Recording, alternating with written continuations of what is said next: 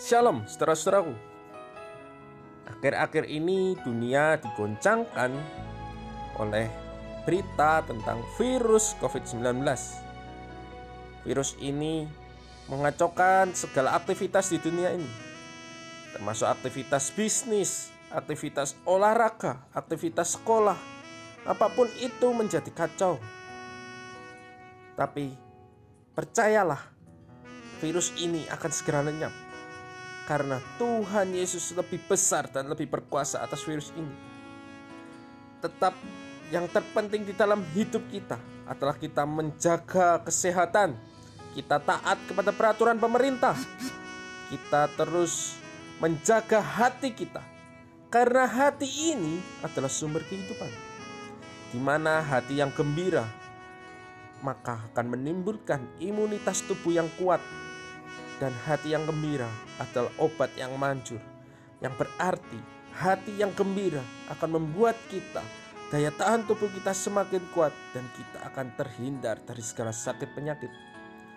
Jangan sampai iblis menggunakan berita-berita itu untuk menyerang hati kita supaya hati kita menjadi kecut dan tawar hati dan kita patah semangat.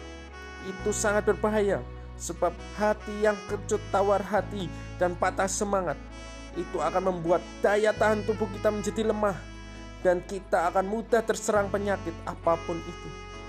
Tetap jaga hatimu yang berpegang teguh kepada janji Tuhan Dan tetap berserah kepada Tuhan Yesus.